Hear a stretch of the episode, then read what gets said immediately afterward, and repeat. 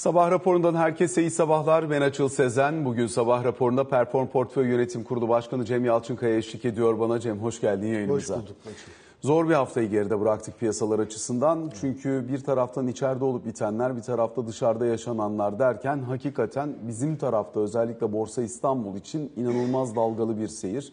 Ee, bir gün devre kesiciyle tamamlanmış bir sürekli müzayede. Ertesi gün özellikle cuma günü itibariyle oradaki yaraların sarılması bir ara %6'lar civarında yükseliş ama kapanışa doğru gelen satışlarla %4 civarında yükselişle günün kapanması. Ne vardı da o kadar satıldı ne vardı da bu kadar geri döndüğü tartışabiliriz bir. İkincisi özellikle Merkez Bankası'nın hafta sonunda liralaşma stratejisi çerçevesinde e, yeni bir düzenlemesi daha var. Bankalar için zaten liralaşma e, kapsamında bilanço ağırlığını %60 civarında uygulanacağına dair para kur politikası metninin içerisinde e, bir ifade yer alıyordu. Şimdi menkul kıymet tesis oranının %5'ten 10'a çıkartıldı bu oran tutmayan bankalar için tutturan bankaları %70 ve üstünde tutturan bankalar içinse bir ödül mekanizması çalıştırılacağı ifade ediliyor. Bunun detaylarını da belli ölçüde konuşuruz. Yurt dışına baktığımız zaman özellikle Amerika'dan gelen tarım dışı istihdam verisi var.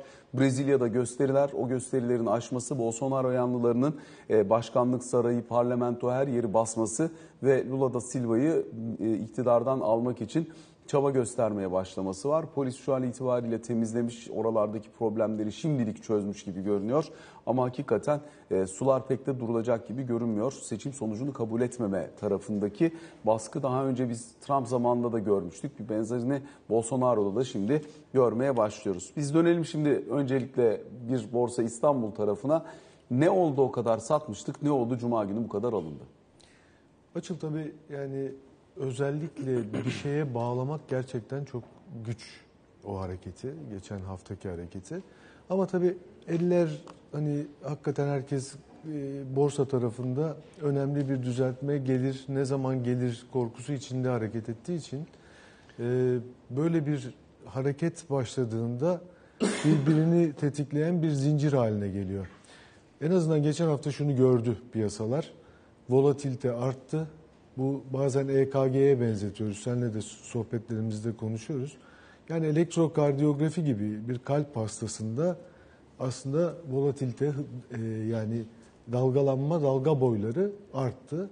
%7 düşüş çok önemli bir düşüş. Devre kesicinin erken çalışması ve aslında yarım saatten fazla zaman kalmasına rağmen borsanın kapanması bunların hepsi önemli. Ertesi gün tekrar yükselerek başlaması önemli. Şu anda bir e, şey içinde bence BIST yatırımcıları, hisse senedi yatırımcıları e, bir git gel içinde. E tabii seçimin öne alınacağı haberleri burada biraz etkili oldu. En belirleyici oldu herhalde. Yani. En belirleyici oldu. Bir de tabii işte Büyükşehir Belediyesi'ne ilişkin bazı haberler ortalıklarda dolanıyordu. Haber demeyelim ama işte e, dedikodu mekanizması neyse bir şeyler dolanıyordu. E, onların da etkisi oldu. E, ama bence özünde şu var Açıl. Geçen sene BIST çok hızlı bir yükseliş gerçekleştirdi. Enflasyona karşı önemli koruyucu, önemli kazanımlar elde etti. Seçim dönemiyle birlikte aslında iki dönemin yaşanma ihtimali olan bir 2023 yıl var önümüzde. Ve bu korkuyla geçen seneki o gelirleri koruma çabasıyla sonradan trene binenler hala korku içinde olması nedeniyle böyle bir satış gerçekleşti. Peki o zaman ben şuradan devam edeyim. Ee, seçim için biçilen süre yani normal zamanı Haziran'ın ortasıydı. Dolayısıyla bir seçim fiyatlamasına girilecekse önümüzde birkaç ay daha var olduğu varsayımıyla devam ediliyordu. Şimdi e, o sürenin boyu diyelim ki bir ay kadar kısaldıysa işte Mayıs ayının başı olur, ortası olur ama oralarda bir yerde seçim atmosferine e, seçime gidilecekse seçim atmosferine de bir iki ay erken girilmeye başlanacaksa o zaman tablo nasıl şekillenebilir? Korumak dedin ya o çok belirleyici bir şey. Çünkü geçen sene endeks %200 yükseldi. Dolayısıyla hisse bazında yüzde binler falan gördüğümüz yerler oldu. Ee, buralarda yatırımcılar için senin tavsiyen nedir? Ee, nasıl koruyabilirler? Bir taraftan hala gitme potansiyeli belki var diye düşünüyor. Ama öbür taraftan haber akışı da volatilite.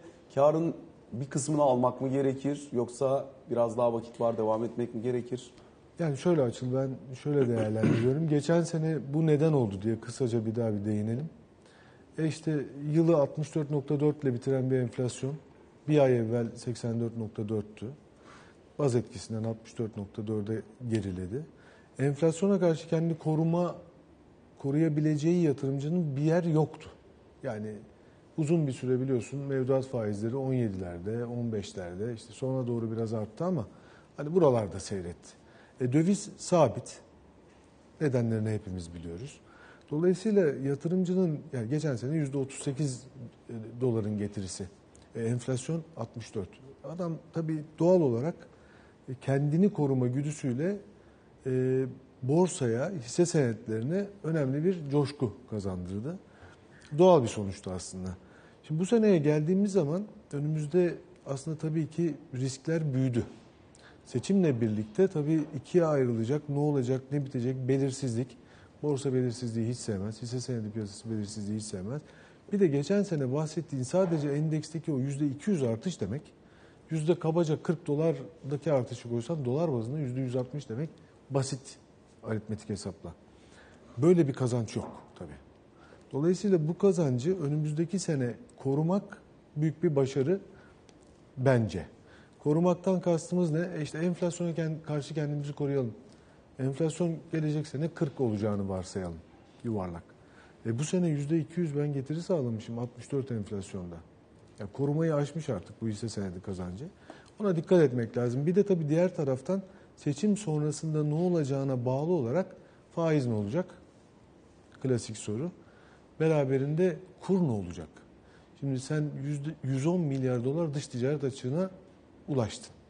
Kabaca uluslararası ticaret yapan bir ülkeyiz biz. Yani 254 milyar dolarlık ihracatımız var. 364 milyar dolarlık ithalatımız var. Biz uluslararası ticaret yaparken kurumuz sabit gidiyor. Ufak tefek hareketler gösteriyor. E şimdi bu dünyadan kopmuş anlamına geliyor. Benim tarafından baktığımızda son 4 ayda uluslararası piyasalardaki gelişmelerden kopmuş bir kur seviyesi var. Tek işi uluslararası ticaret olan veya ağırlıklı işi diyelim yanına turizmi de koyarsın belki ama ağırlıklı işi uluslararası ticaret olan bir ülkede e, döviz kuru sabit gidiyor. Dolayısıyla bu büyük bir risk. Yani şimdi bu riskleri saydığım için bunu söylüyorum. Bu büyük bir risk. İki faiz önemli bir risk. Heterodoks politika, ortodoks politika. E biz ne yapıyoruz şu anda? Yanlışı doğrusu çok tartışılır. Herkes tarafından farklı görüşler söylenebilir ama biz şunu yapıyoruz. Faizi indirdik, politika faizini 9'a. Kredi faizlerini indirdik fakat krediye ulaşımı engelledik. Yani şimdi bu da aslında ortodoks ortodoks politikanın heterodoks uygulaması diyebiliriz buna mesela. Yani biz kendimize göre bir sistemle faiz indiriyoruz ama ekonomiyi daraltıyoruz. Çünkü krediye ulaşımı çok zorlaştırıyoruz. Bankalara regülasyonlar işte son gelen regülasyonda artık bir seviye var. Buradan sen hedefi gerçekleştirdikçe iskonto yaparım haline geldi. Son açıklanan uygulama bu demek. Yani %10, %5'ten %10'a çıkarıyor menkul kıymet tesis oranını. Ama ondan sonra sen eğer hedeflerini tutturursan ben bunu yavaş yavaş aşağıya çekeceğim senin için.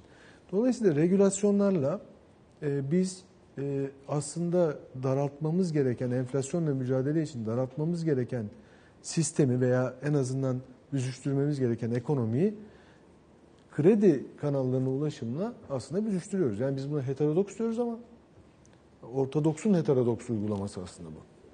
Peki şimdi bu politikayla yola devam ederken işte bir yandan da sürekli yeni regülasyon, yeni düzenleme gelmeye devam ediyor. Ee, özellikle biraz önce de programı açarken bahsettiğim gibi liralaşma stratejisi çerçevesinde Merkez Bankası bankalara bir e, yol haritası sundu. Önce dövizden TL'ye dönüşüm oranını baz alarak daha sonra bu dövizden TL'ye dönüşüm oranını herkes tutturunca bu kez bilançonun içerisinde tüzeller ve bireyseller olarak %50 hedefi koydu. Sonra bu %50 hedefi bir şekilde tutturulunca bunu %60'a çekti. Şimdi 60-70 arasındaysan e, belli başlı ödüller eğer 60'ın altında 50'lerin altındaysan e, farklı farklı ceza mekanizmaları var.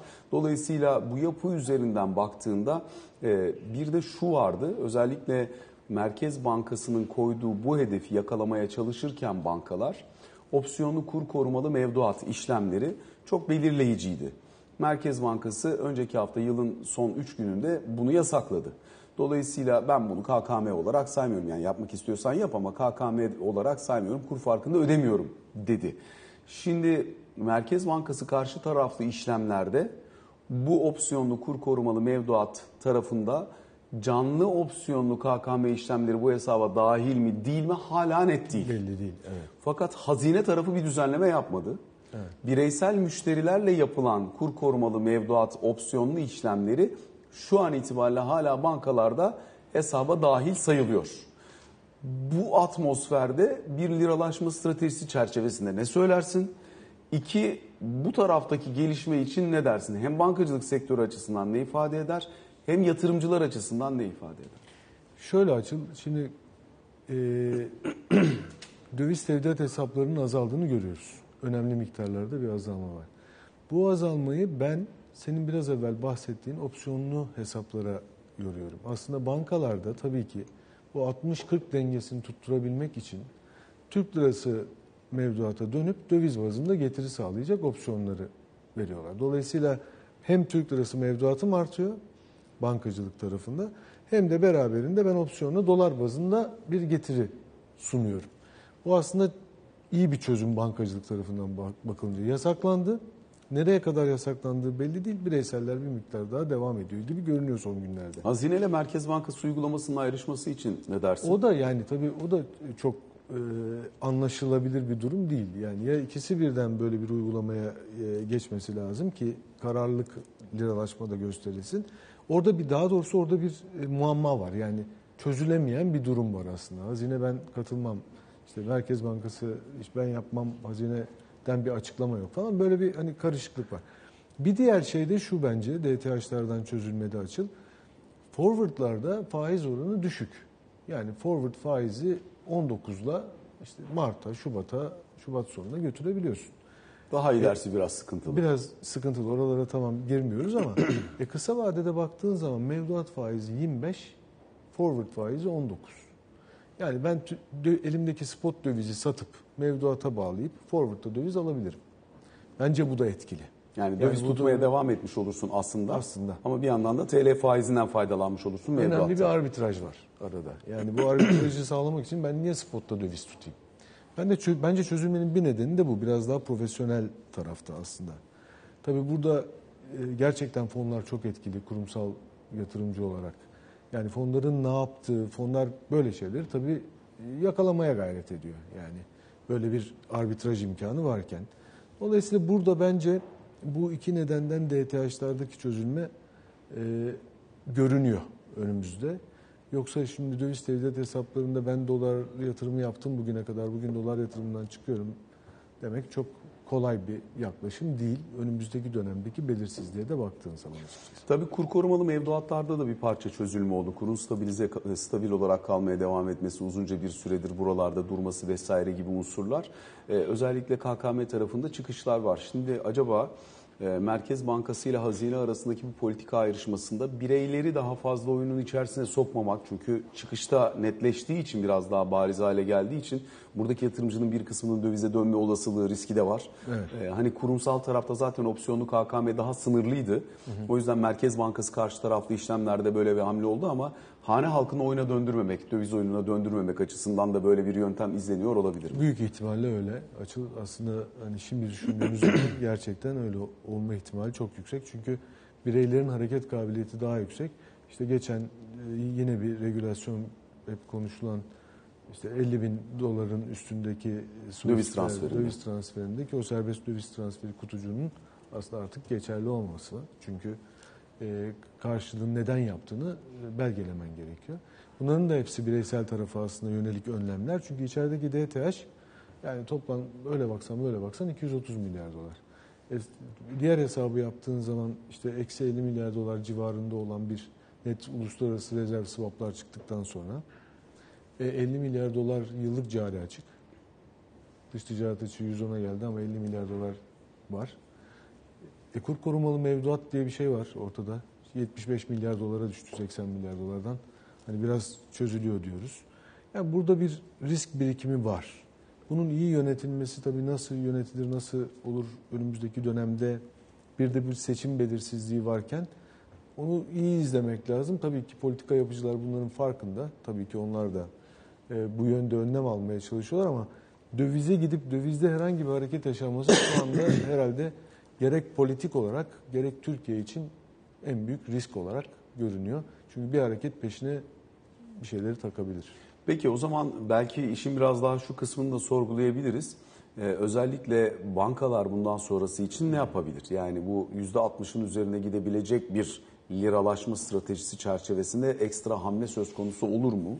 Ee, bunu yapmak için ellerinde enstrüman nedir? Eğer opsiyonlu KKM artık biraz sallantıda bir enstrüman olarak karşımızdaysa bankaların bir bölümü de ellerindeki döviz pozisyon fazlasını bilanço dışında taşıyarak çeşitli fonlara park etmek suretiyle falan da e, bu süreci yönettiler. E, dolayısıyla belki biraz bu tarafını da sormak lazım. Biraz daha buraya mı kayılır ya da buraya çok kayılırsa bu sefer buraya da bir müdahale gelir mi? Yani müdahale mutlaka yani regülasyonlar çünkü şey yani bu dövizin kaçak vermemesini engellemek üzere çok yakından takip ediliyor ve yakından uygulanıyor. Dolayısıyla e, regülasyonlar sıkıntı gördükçe regülasyonlar gelir. Ama bankaların elinde çok fazla tool yok. İşte seninle konuştuğumuz biraz evvel bu forward hikayesi. Belki Türk lirasına dönüp forward'la desteklenebilir opsiyon yerine belki. Veya işte opsiyonlar bireylerde devam eder. Hazine tarafında bir şey yok. Yani bunlarla sürdürmeye çalışacak. Bankalar dönmeye çalışacak ama e, döviz yatırımcısının da dövizden TL'ye dönmesi şu andaki şartlarda hani bakarsan adam riskten korkuyor. E diğer tarafta 25 mevduat var. Fena değil. Hiç olmazsa geçmişe göre biraz daha yukarı geldi. Bir de tabii algı olarak baktığında da sabit olan bir kur var. Yani yatırımcının kendiliğinden aslında Türk lirasına dönmesini beklemek lazım ama önümüzdeki sene enflasyon beklentisi 35-40'larda en, en düşük 35 işte 40 civarı diyelim. E bu adam kendini TL tarafında nasıl koruyacak? Tek soru önümüzdeki döneme ilişkin enflasyon konusunda işte beklenti 35'ler civarında bir enflasyonsa bizim reel faiz hesabını yatırımcıya artık beklenen enflasyona göre yaptırabilecek miyiz, yaptıramayacak mıyız o tarafı. Çünkü e, davranış bozuldu ve yatırımcı beklentisi artık bu mevduat faizi çok ciddi anlamda geri geldiği dönemde tamamen koptuğu için rasyoneliteden şimdi onu yeniden tesis etmek gerekecek herhalde.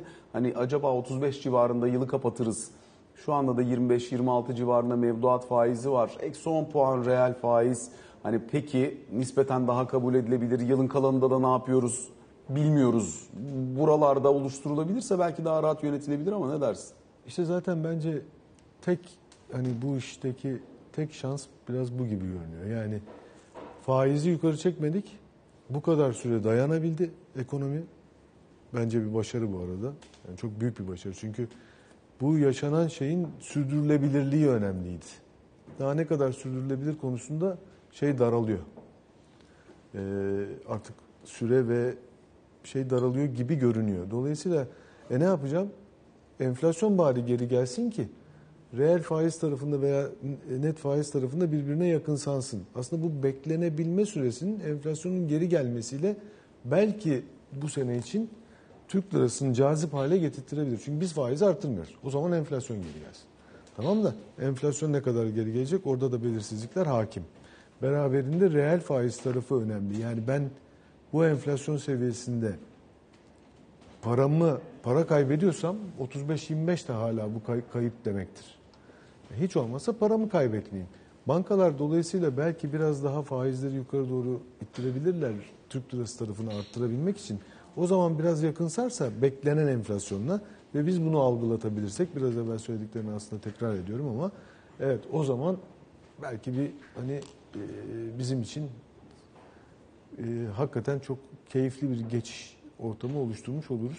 Ama sürdürülebilirliği konusunda seçim belirsizliğiyle birlikte ortaya çıkan bir tabloda gerçekten çok sıkı durmak lazım. Yani şu son bir iki ayı önümüzde Mart sonu, Nisan veya seçime kadar olan dönemi kurda aman diyerek geçirmek lazım. lazım. Peki 8.8 trilyon lira civarında bir toplam e, mevduat büyüklüğü var bankaların. Evet. Burada biraz önce e, Ebru Usta Para Piyasaları Müdürümüz gönderdi. TL mevduat payı sektör ortalaması %54. Kamuda %56, yerli özel bankalarda %51, yabancı bankalarda %53. Görüntü bu.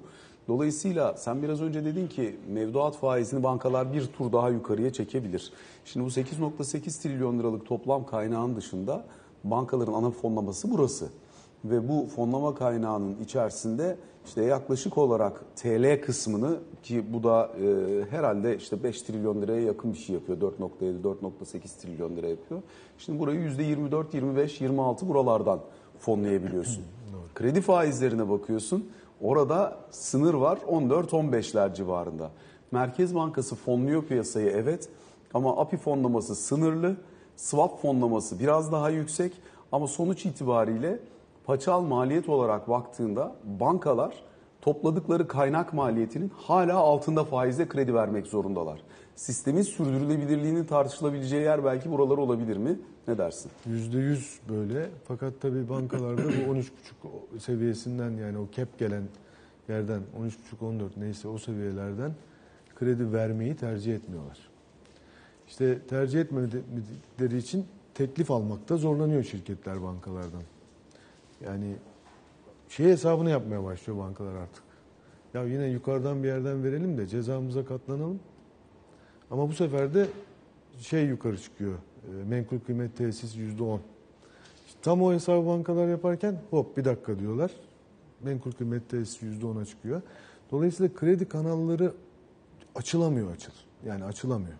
Dolayısıyla zor bir dönem şirketleriyle tabii ki görüşüyoruz, konuşuyoruz, bir arada oluyoruz. Şirketlerin krediye ulaşması zor. Net ihracatçı değilsen. net ihracatçıysan. Net ihracatçı olup da alamayan da var. Şimdi evet çünkü kaynak e, şeyinde öyle ama. Net yani ihracatçıysan net, ama büyüksen gene alamıyorsun. Evet. Yani e, kobi olman lazım. Net ihracatçı olman lazım. Belirli kriterlerini yerine getiriyor olman lazım. O zaman ulaşabiliyorsun. Ama onun dışında krediye ulaşmak gerçekten imkansız. Bu biraz evvel söylediğin nedenlerden dolayı. Yani e, banka nasıl kredi versin? Fonlama maliyeti belli. Yüksek. Tamam onlar onu paçallıyorlar Merkez Bankası API ile swap'la ama yine de 14'e kredi veremez. Ya bankalar da sıkışmış durumda, sistem de sıkışmış ama bu tabii biraz evvel söylediğim o ortodoks heterodoks hikayesindeki olay. Aslında biz de bankaların çok fazla kredi vermesini, biz derken yönetim de çok fazla kredi vermesini istemiyor galiba. Peki. Geçmiş. Buradan çok hızlıca biraz da e, özellikle fonlar, yatırım fonları tarafına geçmek istiyorum. Çünkü burada çok ciddi bir büyüme var. Hisse senedi yatırımcısı çok büyüdü, fonlar tabii. çok iyi getiriler sağladı. E, yatırımcılar tabii bir yere parayı koyup o para büyüdüğü müddetçe bundan çok mutlu ve sürekli böyle gelmeye devam edeceği varsayımıyla hareket ediyorlar. Nasıl bir 2023'ü hazırlamalı yatırımcılar kendilerini? Yani farklı fonlarının, farklı fon tiplerinin farklı getirileri var ama e, sonuç itibariyle geçen sene işte 2'ye 3'e katlanmış olan fon getirileri varsa eğer şimdi bu sene için oraları nasıl makulleştirmek lazım? Ne beklemeleri lazım? E, şimdi tabii bizim hisse tarafını yöneten arkadaşlar tabii farklı bakıyorlar. E, haklı olarak. Çünkü onlar e, hisse tarafında hep fırsatı görüyorlar. E, ben de tabii onlarla birlikte bunu değerlendiriyorum her zaman ama ben yatırımcı gözüyle şunu düşünüyorum. Yani 30 senelik bir tecrübemiz var aslında. Kazanırken tabii çok e, sorun yok. Herkes mutlu. Fakat tabii iş tersine döndüğü zaman ya biz bunu koruyamadık. Bak geçen sene bu kadardı param. Şimdi buraya indi. Çok daha acıtıcı bir şey. O yüzden önümüzdeki sene için benim 2023 için benim görüşüm aslında 2022 kazanımlarını hisse senedi yatırımcısı için söylüyorum korumak. Çünkü çok önemli bir kazanım var. Biraz evvel söyledim yatırım fonları. Bizim hisse fonumuz işte Tefas'ta açıklanıyor. Getiriyi söylemiyorum ama çok yüksek bir getirisi var geçen sene için. Dolayısıyla e, şimdi bu gerçekten çok büyük bir başarı. Bunu korumak da önemli. Yani dolayısıyla e, ben 2023 yılında e, enflasyona karşı kendini korumanın önemli bir başarı olacağını düşünüyorum. Sen bir fon sepeti oluştursan hisse ağırlığını nerelerde, diğer taraftaki ürünlerin ağırlığını nerelerde oluşturursun? Fon sepeti oluşturuyoruz yani. Evet. Yatırımcı kendi portföyünü nasıl dağıtsın o ayrı bir şey ama fon sepeti oluştururken bu kadar getiriden faydalanmışsa eğer yatırımcı ne yapmasını öneriyorsun? Valla hisse oranını ben e, özellikle geçen haftaki o dalgalanmayla beraber o korku şeyiyle birlikte hisse oranını düşürürüm bu sene açıl. Yani çok küçük miktarda hisse senedi kendi adıma taşırım. Bu tabii risk tercihine bağlı falan onları hiç katmıyorum ama hani genel geçer bir dağılım yaparsam düşük oranda hisse taşırım. E, döviz bazım işte bu forward TL orada bir önemli bir şey var, arbitraj imkanı var. Onu dövizi mutlaka bazda kendi adıma söylüyorum tamamen taşırım. Bir de bu sene belki biraz da değerli madenlere bakarım. Yani bir miktar altın alırım. Yani şöyle düşün çok kabala söylenmiş bir şeydi işte %10 civarında hisse senedi beraberinde taşırım 10-20 arası. Altın %30 civarında taşırım ama tabanımda eee, döviz şeyinde kendi adıma tutarım ben. Yani dolayısıyla döviz artı e, altın dediğin zaman gene %70, %80 civarında bir döviz 80, ağırlığı bulundururum diyorsun öyle mi? Peki çok teşekkür ediyoruz Ben Cem teşekkür sana. ederim. Aktardığın bu yorumlar için. Kısa bir aramız var. Sonrasında Ali Can Türkoğlu bizlerle olacak. Kaldığımız yerden devam edeceğiz.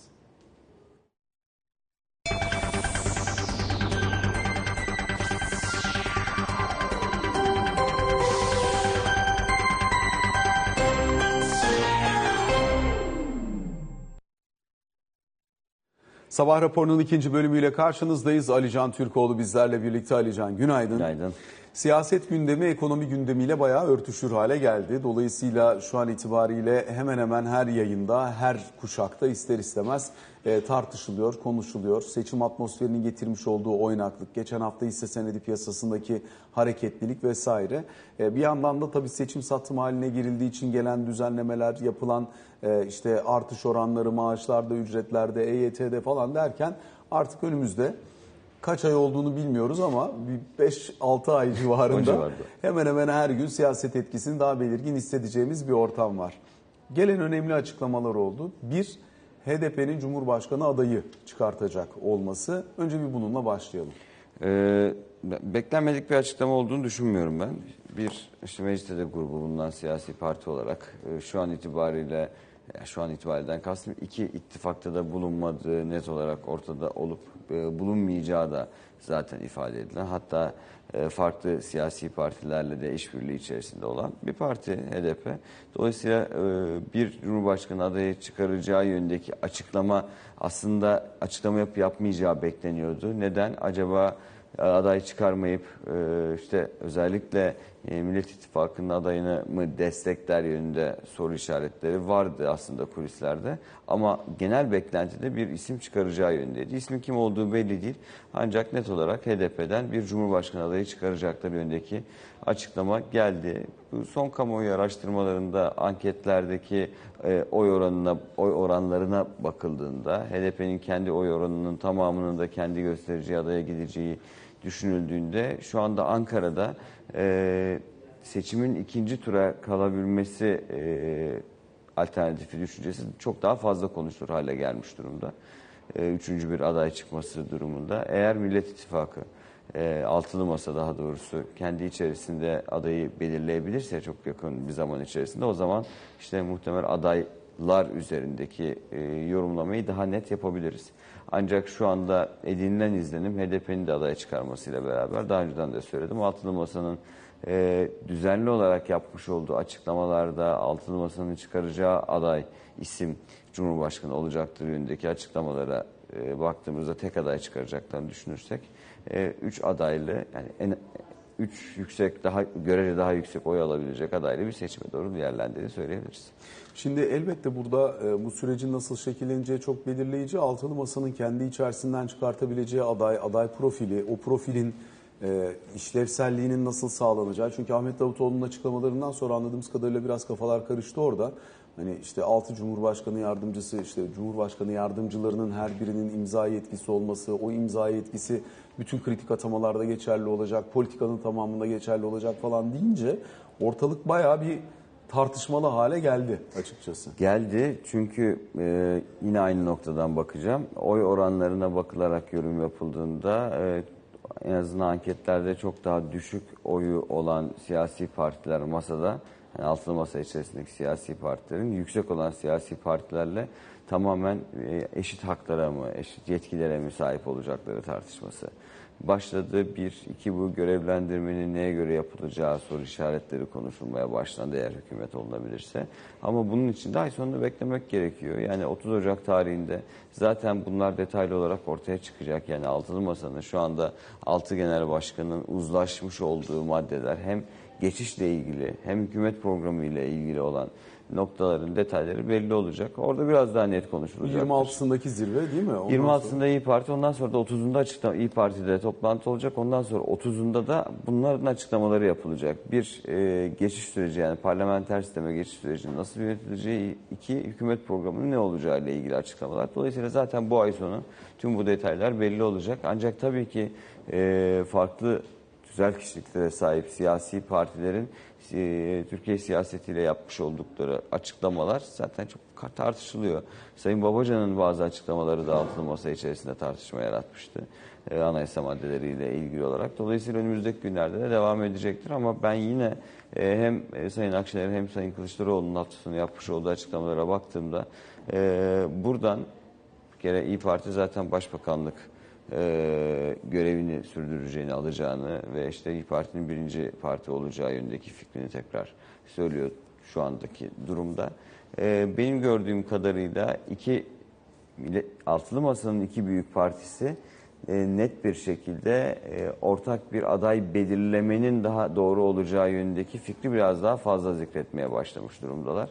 E, HDP'yi konuştuk az önce kendilerinin Cumhurbaşkanı adayı çıkaracağıyla ilgili açıklamalarını ama HDP'den gelen bir açıklamada e, gösterilebilecek adaylardan bir kişi haricinde herkese destek verebilecekleriyle ilgili açıklama. Yani Ankara Büyükşehir Belediye Başkanı Mansur Yavaş dışındaki diğer e, altılı masanın çıkarabileceği adaylara önümüzdeki dönemde destek verebileceklerine ilişkin bir açıklama var. Dolayısıyla biraz daha e, Türk siyasetindeki o soru işaretleri kaybolmaya başlıyor gibi gözüküyor. Ana bir soru işareti kaldı bana sorarsan seçimle ilgili olarak. O birincisi seçim tarihi tabii ki. E, bir diğeri de Altılı Masa'nın Cumhurbaşkanı adayı. Dediğim gibi onun içerisinde, onun içinde artık bir 20-25 günlük bir süre kaldı gibi düşünüyorum. Peki e, yeni haftaya başlarken bir kabine toplantısı, iki meclis gündemi. Bunların içerisinde ön plana çıkacak neler var? Üzerine konuşulabilir.